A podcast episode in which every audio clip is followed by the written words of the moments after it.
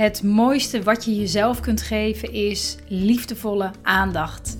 Aandacht voor wat er zich in jou afspeelt. Als een moeder die over haar kind waakt. Want hoe gaat het met je? Wat leeft er in je en wat heb jij op dit moment nodig? Lieve Moeders is er voor moeders met jonge kinderen die van deze periode in hun leven een onvergetelijke, waardevolle tijd willen maken, waarin ze zich als vrouw en moeder persoonlijk ontwikkelt. En in deze podcast neem ik je mee achter de schermen van Lieve Moeders en wat er afgelopen jaar allemaal gebeurd is. Mijn naam is Marjolein Mennis en ik ondersteun moeders met jonge kinderen om het beste uit zichzelf en daarmee uit hun gezin te halen. Ik deel video's, blogs over het moederschap op onder andere YouTube, Instagram, Facebook en natuurlijk deze Lieve Moeder podcast. Ja, goedemorgen, goedemiddag, goedenavond, lieve moeder. Ik hoop niet lieve uh, goede nacht, want ik hoop dan dat je lekker slaapt. Maar wat ontzettend tof dat je weer luistert naar de Lieve Moeder podcast. Aflevering 34, ongelooflijk hoe snel dat gaat. Elke keer als ik een podcast opneem, dan denk ik: oh ja, er is alweer een week voorbij. Misschien ken je dat wel. En dat is ook meteen een uh, mooi haakje naar waar ik het met je over wil hebben, namelijk afgelopen jaar. Een terugblik op de afgelopen 365 dagen en wat daarin allemaal is veranderd, wat daarin gebeurd is. En daarin wil ik je ja, een kijkje achter de schermen nemen. Ik uh, deel natuurlijk ook wel aardig wat. Uh, voornamelijk natuurlijk over het moederschap en wat ik daar zelf in meemaak en in ontdek en waar ik je graag in mee wil nemen. Maar ik vond afgelopen jaar toch wel echt zo bijzonder dat ik dacht: ik neem je mee in wat er zoal gebeurd is. En voor ik dat doe, ben ik wel benieuwd hoe jij ook terugkijkt op je, dag, op je jaar. Natuurlijk kan je nu geen antwoord geven, maar misschien kan je in gedachten gewoon eens nu of later op de dag gewoon eens terugblikken op nou, wat is er zo allemaal al voorbij gekomen? Wat is er allemaal gebeurd? Wat heb ik heel erg gewaardeerd? Waar ben ik heel erg blij mee geweest of nog steeds blij mee? En waarin ben ik gegroeid? En daar alleen al één of twee minuten op focussen, dat zorgt er al voor dat je in nu, op dit huidige moment, nu je hier naar luistert, je al zoveel beter voelt, zoveel krachtiger voelt. Want ja, we hebben ontzettend de neiging, ons brein is zo ontzettend, um, nou ja, geprogrammeerd als het ware om ons te focussen op dat wat allemaal niet gelukt is, daar waar we in gefaald zijn, dat wat beter had gekund. En het is zo verleidelijk om daarin mee te gaan. En als je nu, als ik je vraag, kijk eens terug op je, op je jaar, dan ben ik heel benieuwd wat er toen als eerst in je opkwam. Of dat inderdaad iets was nou, waarvan je, waarmee je niet zo blij bent. Of ja, wat beter had gekund. Of iets, wat, iets heel naars wat is gebeurd. Of dat je meteen dacht aan de dingen waar je dankbaar voor bent. Waar je blij van werd of wordt. En ga maar eens na. En het, het fijne is dat je jezelf echt kan aanleren om steeds als je merkt dat je weer neigt naar alles wat niet goed gaat, te langzaam gaat, waar je in faalt, dat je echt kunt leren om dan de switch te maken, de shift te maken naar, oh ja, maar waar ben ik in gegroeid? Of oh ja, maar dit heeft het me wel opgeleverd. En bijvoorbeeld zoals uh, Abraham Hicks, uh, Esther Hicks, je kan het haar wel eens googlen. Ik luister graag naar haar en zij adviseert om als je met een met iets zit, met een probleem of iets wat niet lekker loopt in het moederschap of en gewoon iets waar je merkt dat veel energie heen gaat, wat aan je knaagt, dat je een lijst met positieve aspecten maakt van dat uh, probleem of dilemma of vraagstuk waar je mee zit. En zodra je dat doet, namelijk, zij noemt het in het Engels, hè, list of positive aspects. En als je dat maakt, dan merk je dus dat er zoveel meer is dan alleen die terugkerende gedachte over iets wat niet werkt of wat je graag anders wil zien of wat dan ook. Hè. Het kan met iets kleins, noem het klein, zijn als bijvoorbeeld onze zoon, die nog altijd best wel vroeg wakker is in de ochtend. Uh, om daar zo'n lijst van te maken. Want het is zo verleidelijk om te denken: oh, wanneer gaat hij nou een keertje wat langer slapen? En, um, wanneer kan ik nou weer eens s'avonds gewoon wat later naar bed? En ik wou dat, nou ja, gewoon. Dat ik, hè, dan kan je zo heel makkelijk in, in verzeild raken. In alles ophangen aan het vroege opstaan. En alles waar dat mij in belemmert. Of onze zin in belemmert. Mijn man en mij natuurlijk vooral. En zodra ik dan opschrijf of dat had ik gedaan, opgeschreven wat het me allemaal brengt, dan, dan, dan ga, je het, ga je het gewoon anders beleven, anders ervaren. En kan je ook, ja, s ochtends, als hij dan vroeg wakker is, er net even anders in staan. In plaats van, oh, oh, nee, weet je, niet nu alweer. Als je op de klok kijkt en nog een vijf ziet staan, denkt, oh nee. Nee, want dan, dan, dan train je jezelf, dan leer je jezelf aan, als het ware, om daar. Ja, ik vind dat positief denken heb ik altijd zo'n soort. Ik weet niet, een beetje een haat-liefde verhouding mee. Maar misschien is dat het wel. Maar in ieder geval om de positieve aspecten te zien van het vroeg opstaan. Bijvoorbeeld dat als we dan samen zijn, dat, ja, dat het hele huis nog rustig is. Dat wij dan met z'n tweeën, we wisselen heel veel af hoor. Maar dat wij dan met z'n tweeën uh, in een stil huis alvast een beetje aan het keuvelen zijn en alvast samen ontbijten en dat het dan zo rustig om ons heen is. Dat onze ochtenden altijd lang zijn, dat ik nooit hoef te haasten, want we zijn altijd ruim op tijd voor alles klaar. En zo zijn er, eh, en het zijn ook wel intieme momenten, omdat je, ja, omdat je nog vaak nog even zo lekker samen op de bank gaat liggen en een beetje rustig wakker worden. Dus er zijn wel degelijk mooie aspecten aan iets waarvan ik zou willen dat het anders was. En dat kan je dus met alles doen. Dit is dan één voorbeeld, maar ik weet zeker, uh, ik kan er nog een honderd bedenken en jij waarschijnlijk ook. Een kijkje achter de schermen, zo begon ik. Hè? ik ben dan weer gigantisch afgedwaald, maar ja, in ieder geval, dit, dit helpt mij enorm. En um, ga het maar eens proberen. Zo'n lijst met positieve aspecten. Kijk maar eens wat dat, wat dat doet. En het heeft ontzettend te maken ook met het maken van een plan, een vision board, noemen ze het wel, een mood board, een mind map, een heart map, hoe je het ook noemen wil. Maar in ieder geval visualiseren dat wat je heel graag uh, wil. En ik ben er een groot fan van. En dat begon ooit eigenlijk doordat mijn broer uh, ooit tegen me zei: Ik denk echt dat ik misschien 15, 16 was.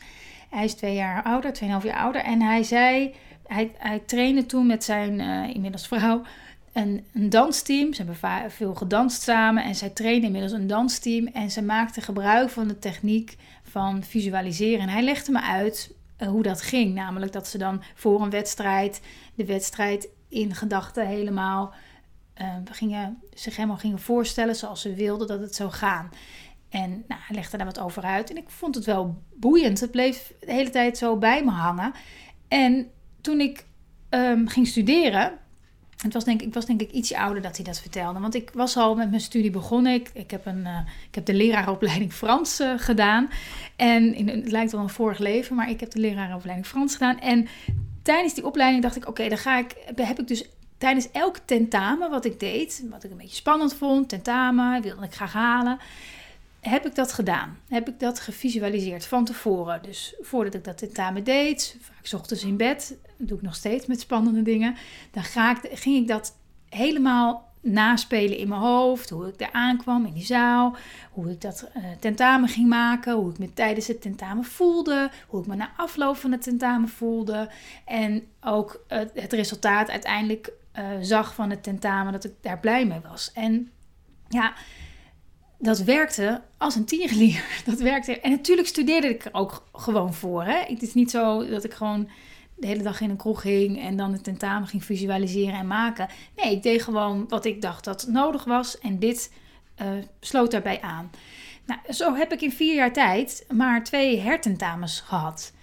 En ja, dat kan natuurlijk. Je kan natuurlijk zeggen, ja, maar ja, het was misschien gewoon een makkelijke studie of makkelijk voor jou. Of het was uh, misschien, uh, had je gewoon supergoed gestudeerd. Van alles van dat. Maar ik denk dat het wel degelijk een enorme bijdrage levert aan hoe je iets, hoe iets doet, hoe je je ergens onder voelt. Je, je bereidt je, je brein, je, je, je, je geest helemaal voor op dat wat je graag wil. En de kans dat het dan gebeurt is vele, vele malen groter. Nou, dat begon zo. En toen nou, heb ik er ook wel weer daarna minder gebruik van gemaakt. Althans, ik heb niet echt een levendige herinnering dat ik dan die jaren daarna daar ook nog veel mee heb gedaan. Maar in uh, nou, 2011 ongeveer, toen was er een collega en die vertelde mij dat ze naar een bijeenkomst was geweest waar ze een plan had gemaakt voor het jaar en op allerlei thema's, eh, rond allerlei thema's in haar leven, ja, een soort van plannen had gemaakt, ehm, visualisaties had gedaan van wat ze daarin wilde, hoe ze daarin wilde groeien, wat, wat haar wensen waren. En dat vond ik wel tof, dus ik dacht dat ga ik ook doen. Vind ik een leuk idee. Ehm, en met nog in mijn achterhoofd hoe dat voor mij werkte tijdens mijn studie. En ik ben dat eigenlijk sindsdien gaan doen. En het werkte zo goed. Wat ik daar opschreef, dat, dat, dat gebeurde. Dat gebeurde. En ik maakte dan altijd zo, december, januari. Ik pakte gewoon een groot vel papier. Ik heb het ook wel eens op een A4'tje gedaan. Maar gewoon een vel papier. En ik ging gewoon opschrijven wat ik wenste. Hè, over mijn gezondheid, over uh, werk, over financiën, over de liefde, over alles wat, me, wat ik belangrijk vind in het leven. Dus daar um, knipte ik plaatjes vanuit. Toen deed ik het nog met allemaal tijdschriften naast me. Ging zo lekker allemaal dingen uitknippen die me aanspraken. En zo had ik een mooi bord, uh, of bord, een, een, gewoon een, eh, een, een, stuk papier. En ik hang en nog steeds dat altijd aan de binnenkant van mijn kledingkast. Want die doe ik elke dag open en dan... Ik kijk er helemaal niet bewust naar, maar je blik gaat er wel steeds heen. Naar die beelden, naar die woorden. Dus zo doe ik dat al ja. En ik, ik merk dus hoe krachtig het werkt. En één heel grappig voorbeeld was bijvoorbeeld in, moet ik even goed rekenen, ja, 2012.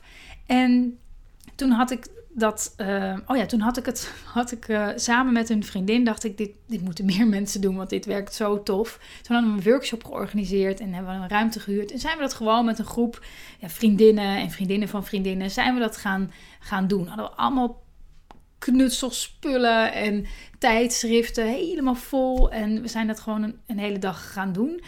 En dat was super tof. Het jaar daarna nog een keer gedaan met een andere vriendin. Het was echt onwijs tof. En maar wat er toen gebeurde is dat ik, um, dat ik mezelf en ook de mensen die in die workshop zaten uitdaagde om net, net een stapje verder te denken. Het namelijk als je dat namelijk zelf doet, uh, dan, dan heb je nogal de neiging om uiteraard binnen je eigen kaders te blijven. Hè? Uh, en je kan, je, je, kan eigenlijk, je kan niet out of the box denken, omdat je altijd in die box zit. Hè? Dus het is heel fijn als je bijvoorbeeld mensen om je heen hebt met wie je dat doet, zodat je kan zien: hé, hey, hey, oh, oh, dat is ook eigenlijk wel een leuk idee. Oh, oh die schrijft iets op wat ik, wat ik nooit zou durven of wat ik nooit zou voor mogelijk kan houden dat kan. En dat is. Um, dat, dat, dat helpt je heel erg. Dus ik was zo aan het denken en toen dacht ik, nou, ik had het nog helemaal niet met mijn partner over gehad, met mijn vriend, met mijn man. Maar ik dacht, het lijkt me eigenlijk wel leuk om zwanger te worden dit jaar. Ik dacht, ik, ik, ik voel er wel wat voor. En we wisten alle twee wel dat we ooit kinderen wilden, maar echt nog helemaal niet serieus over gehad. Maar ik had mijn ding klaar, mijn moodboard, mijn, uh, mijn, mijn plan zeg maar voor, het, voor 2012. En ik tekende op het allerlaatste moment. Ik had mezelf ergens getekend in een situatie. En toen had ik een klein hartje getekend in mijn buik, die dan een groeiend kindje symboliseerde. Echt een beetje zo lachend naar mijn vriendin van ha, ha, uh, het zou wel leuk zijn of zo. Weet je, echt, nou ja. En, en je voelt hem al aankomen.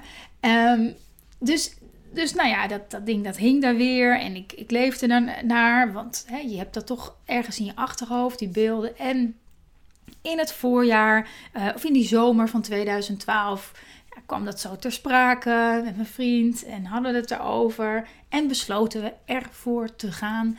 En bam, in september meteen zwanger. En ik keek nog eens aan het einde van het jaar naar, dat plan voor 2012. En al die beelden. En ik vond het zo frappant. Ik vond het zo frappant. Gewoon, het was niet alleen dat, waren veel meer dingen. En dat dat gewoon, ja, zo zo krachtig werkt. En tuurlijk, je, je, je kan het altijd wegrationaliseren, maar het, het ging elk jaar weer zo door. En ons, tweede, ons tweede kind is ook zo, zo, zo geboren. Want ik weet nog dat ik dacht, ik wil eigenlijk wel ehm, heel graag volgend jaar een kindje. Maar ja, het was al december. Dus ik dacht, nou ja, dat gaat waarschijnlijk nooit meer lukken. Als ik nu voor 2016, was het eind 2015, als ik in 2016 een kindje wil, dan moet ik wel opschieten. Maar ik dacht, weet je, uh, ja, elke maand heb je kans om zwanger te worden. Dus waarom, waarom niet? Waarom, waarom zou, hè? Er was toch weer een stemmetje die zei: Ja, daar ben je nu een beetje laat mee. Uh, en ik dacht van. Nou ja, ik schrijf het gewoon op, want het is gewoon een wens. Ik zou heel graag een kindje in mijn armen willen hebben in 2016. En nou ja, ook, ook dat gebeurde. Ook dat gebeurde. En in november is hij toen uh, geboren. Dus en dit is dan een voorbeeld hè, van een kind. Maar, en dat werkt natuurlijk ook niet. Weet je, nou ja, goed, hoe wil ik het zeggen? Ik denk meteen aan mensen bij wie dit allemaal niet zo vlot gaat. En misschien is dat bij jou helemaal niet het geval. Maar het gaat meer om het idee, hè, even los van het voorbeeld, dat je kan, dat het heel krachtig werkt als je iets uh, wenst als je die wens uitspreekt, als je die wens opschrijft, als je die wens, dat verlangen in beelden voor je kan zien. Dat werkt zo krachtig. Wij zijn, wij mensen zijn echt, ehm, ehm, eh, hoe noem je dat? Creators. Wij zijn echt gemaakt om te creëren. En soms, en zeker als je jonge kinderen hebt, uh, vergeet je dat bijna. Je vergeet bijna dat je dat mini-mensje met je partner gecreëerd hebt. Je, je vergeet het omdat, er, omdat, je, omdat het overwhelming is die eerste jaren. Omdat er zoveel op je afkomt. Er is zoveel om aan te wennen. Er is, ligt veel meer op je bord dan eigenlijk je voor mogelijk hield dat je ooit zou kunnen doen allemaal.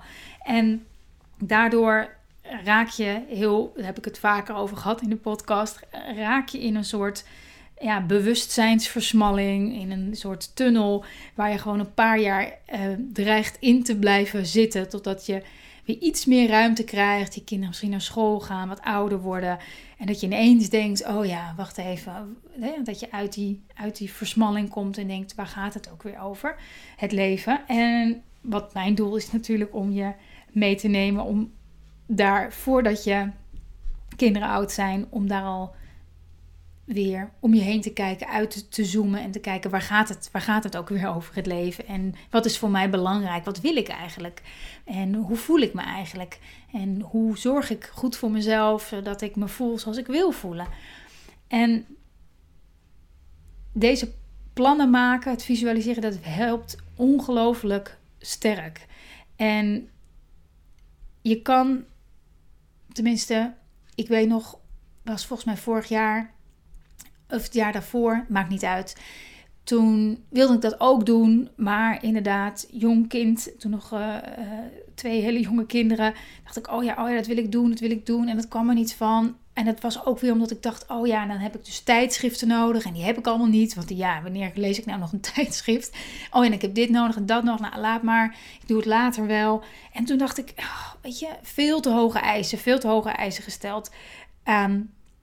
Ehm, aan mezelf, aan dat plan. Dus weg, weg met die eisen. Pak een A4'tje en ik ben het gewoon gaan opschrijven met, met gekleurde potloden, geloof ik. Ik heb gewoon het alleen maar in woorden gedaan. Ik denk, dan, dan heb ik iets. Dan heb, dan heb ik in ieder geval iets genoteerd. En ja, dat, dat, werkt net zo, dat werkte voor mij net zo krachtig. Er waren net zo goed um, groei waarvan ik dacht, wow, dat had ik nooit voor mogelijk gehouden. En zo schreef ik bijvoorbeeld Ehm, eh, twee jaar geleden op, rond deze tijd. Toen had ik ehm, net het uh, programma gemaakt. En het Mindful Moeder programma. En ik dacht, het lijkt me fantastisch als er in... Ik moet altijd zo aan de jaren denken. Even kijken, we leven nu 2019. Als er in 2018 100 moeders dit programma hebben gevolgd. Dat lijkt me fantastisch. En ik schreef het op en ik dacht echt kansloos. Ik heb geen idee. Waar komen die vrouwen dan vandaan? Uh, het hoe was me helemaal nog niet duidelijk. Maar ik had al wel geleerd. Het hoe, het hoe moet je echt zoveel mogelijk naast je neerleggen. Omdat het hoe je heel erg, um, ja, daarmee kap je eigenlijk je verlangens af. En kan het niet meer stromen, omdat je niet verder kan denken dan je eigen box. Dus stopt het daar. Het hoe naast me neergelegd. Ik dacht 100 vrouwen. Dat lijkt me fantastisch als ik die verder kan helpen, die kan laten groeien. Dus dat had ik opgeschreven, maar ook een beetje met een soort van, nou ja, dat is natuurlijk kansloos. Maar ik schrijf het op. Ik schrijf het op, want dat had ik natuurlijk geleerd. Net iets meer opschrijven dan dat comfortabel voelt. Niet zoveel opschrijven dat, het niet meer, dat je het niet meer kan geloven voor jezelf. Alleen maar opschrijven, oké, het zou kunnen. Ik heb geen idee hoe, maar ik zou het me ergens kunnen voorstellen. Ja, en dat is, dat is eigenlijk het, um, de, de uitdaging van dit soort plannen maken, is om dat grensgebied op te zoeken van het, het, het kunnen voorstellen dat het zo is, maar het nog wel ergens kunnen geloven dat het zo is. Want dat is heel erg belangrijk voor het slagen ervan. Dat je dat je het je ook echt kan voorstellen. Stel je voor, je denkt: ik wil volgend jaar uh, een, een miljoen winnen of een miljoen verdienen. Ik zeg maar wat hè. En je denkt: ja, maar dat is. Dat geloof ik gewoon echt niet. En je hebt daar helemaal geen gevoel bij. Dan, dan is het. Uh, dan is het bijna. Dan is dat de beperking die er tussen jou en dat doel zit. Als je iets opschrijft waarvan je denkt: ja, dat, dat is haalbaar, denk ik. Nou ja, het is een ver van mijn bedshow, maar ik kan me er iets bij voorstellen. Dan geloof je het. En dat gevoel van, ik, ik kan me er iets bij voorstellen, ik geloof het ergens wel. Dat is eigenlijk wat de grote kracht erachter is. Want dan ga je je ook voorstellen, hoe zou het zijn om een kindje in mijn buik te hebben? Hoe zou het zijn om zo en zoveel geld op mijn rekening te hebben? Hoe zou het zijn om inderdaad van baan te wisselen of toch die uh, functie aan te nemen? Hoe zou het zijn om... En dan ga je net, net iets... Um, dat, dat geloof, dat zorgt ervoor dat het in beweging komt. Dat je, jij in beweging komt. Dat alles wat we niet kunnen zien om ons heen, alle energieën, universum, hoe je het ook noemen wil, dat dat voor ons gaat werken. Dus dat is, dat is hoe ik elk jaar mijn jaar bestel. Zo kan je het ook noemen. Ik ga mijn jaar, we hebben het wel eens in het programma ook over je dag bestellen. dat je ochtends wakker wordt en je dag visualiseert. Hoe wil je dat het gaat? Hoe wil je, dat, hoe wil je je voelen? Wat is belangrijk? En dat kan je net zo goed doen voor een jaar of misschien wel langer. Toevallig dacht ik vandaag, ja, een jaar, een jaar is zo voorbij. Waarom maak ik niet een, een, een twee of drie, misschien wel vijf jaren uh, visie of plan? Waar wil ik staan over vijf jaar? Hoe wil ik er dan bij zitten met mijn gezin? Uh, dus misschien ga ik dat ook nog wel doen. Maar in eerste instantie richt ik me helemaal op, op, op 2020 en hoe dat jaar er voor mij uh, uit zal zien. En een grote uitnodiging natuurlijk om, om hetzelfde te doen. En ik ga je daar ook. Ik had op Instagram deze week al een poll gedaan van hey, is het niet leuk als ik je daarin meeneem? En nou, deze podcast is al een eerste aanzet daarvoor. Maar ik ben bezig. Ik ga even kijken of dat allemaal lukt qua planning om iets te maken waardoor het heel makkelijk is om jou hierin mee te nemen.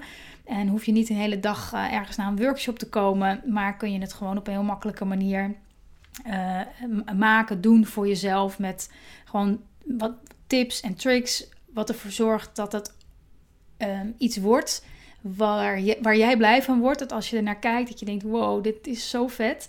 Uh, zonder dat het ongeloofwaardig is. Om, dat, gebied samen te gaan, gaan zoeken. Daar, uh, daar wil ik je graag bij helpen. Ik ga nog even bedenken hoe ik dat precies ga doen. En dat komt later nog. Maar Misschien luister je deze podcast wel ergens in juni of april. Kijk, je bent nooit gebonden aan, aan, aan, een, aan, een, aan een jaar. Hè? Een, nieuw jaar is gewoon altijd een heel mooi en krachtig moment. Maar ik doe het dus ook altijd per maand. En dan doe ik het per jaar doe ik het wat meer, zoom ik wat meer uit. Per maand doe ik het wat meer gedetailleerd. Uh, ga ik echt zeggen, oké, wat, wat is belangrijk voor me? Oh ja, dit is heel belangrijk voor me. Oké, nou dan, dan, dan moet ik dat ook gaan organiseren in mijn leven. Als ik het leuk vind om af en toe naar een museum te gaan, dan is het handig om nu een datum te prikken. Om te kijken wanneer ik dat ga doen. Heb ik daarvoor oppas nodig? Ja of nee? Neem ik de kinderen mee? Ja of nee? Gewoon allemaal dat soort kleine, veel meer op het praktische uh, aspect plannen op de korte termijn. Maar lange termijn is, ehm, geeft echt richting. Geeft richting aan wat voor jou belangrijk is. En tot slot zou ik nog willen, met je willen delen is dat wat het eigenlijk zo ontzettend fijn maakt om hiermee bezig te zijn en waardevol is omdat we soms vergeten dat het leven maar heel kort is. We leven heel vaak, we denken heel vaak, we doen heel vaak alsof we het eeuwige leven hebben of dat deze periode in ons leven eeuwig duurt, eindeloos duurt.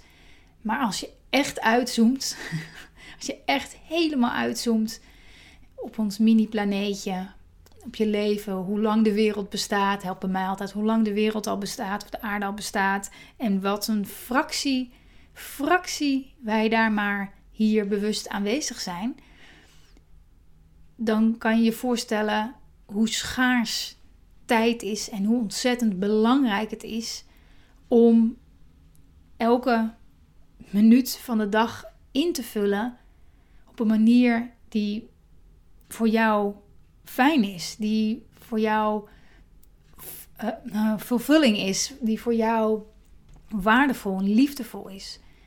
En je dat in, in je achterhoofd houdt, dan wordt het ook nog, nog makkelijker om voor te gaan zitten en te denken: oké, hoe is, was, is mijn leven tot nu toe geweest? Welke kant wil ik op? En wat is voor mij echt, echt belangrijk uh, om, te, om te doen in dit leven, in dit korte leven wat, we, wat, ik, wat ik hier heb? En al helemaal in deze korte tijd die ik heb met mijn kinderen die nog zo jong zijn. Want dat is nog, nog een kleinere fractie van het leven dat we hebben. Dat die kleine jongens en meisjes zo klein zijn, nog zo jong zijn. Ik rond het hierbij af. Ik ga nog iets prachtigs met je delen om hier stappen in te maken, om je erbij te helpen. Maar je kan natuurlijk gewoon ook nu naar een winkel rijden en wat lekker groot vel papier kopen en gewoon alvast beginnen. En als je geen tijd hebt om een groot vel papier te kopen, je hebt vast ergens wel een A4'tje liggen om alvast wat krabbels op te maken en je fantasie en je verlangens de vrije loop te laten. Het is ontzettend leuk om te doen en ik hoop ook dat je er heel veel plezier aan beleeft.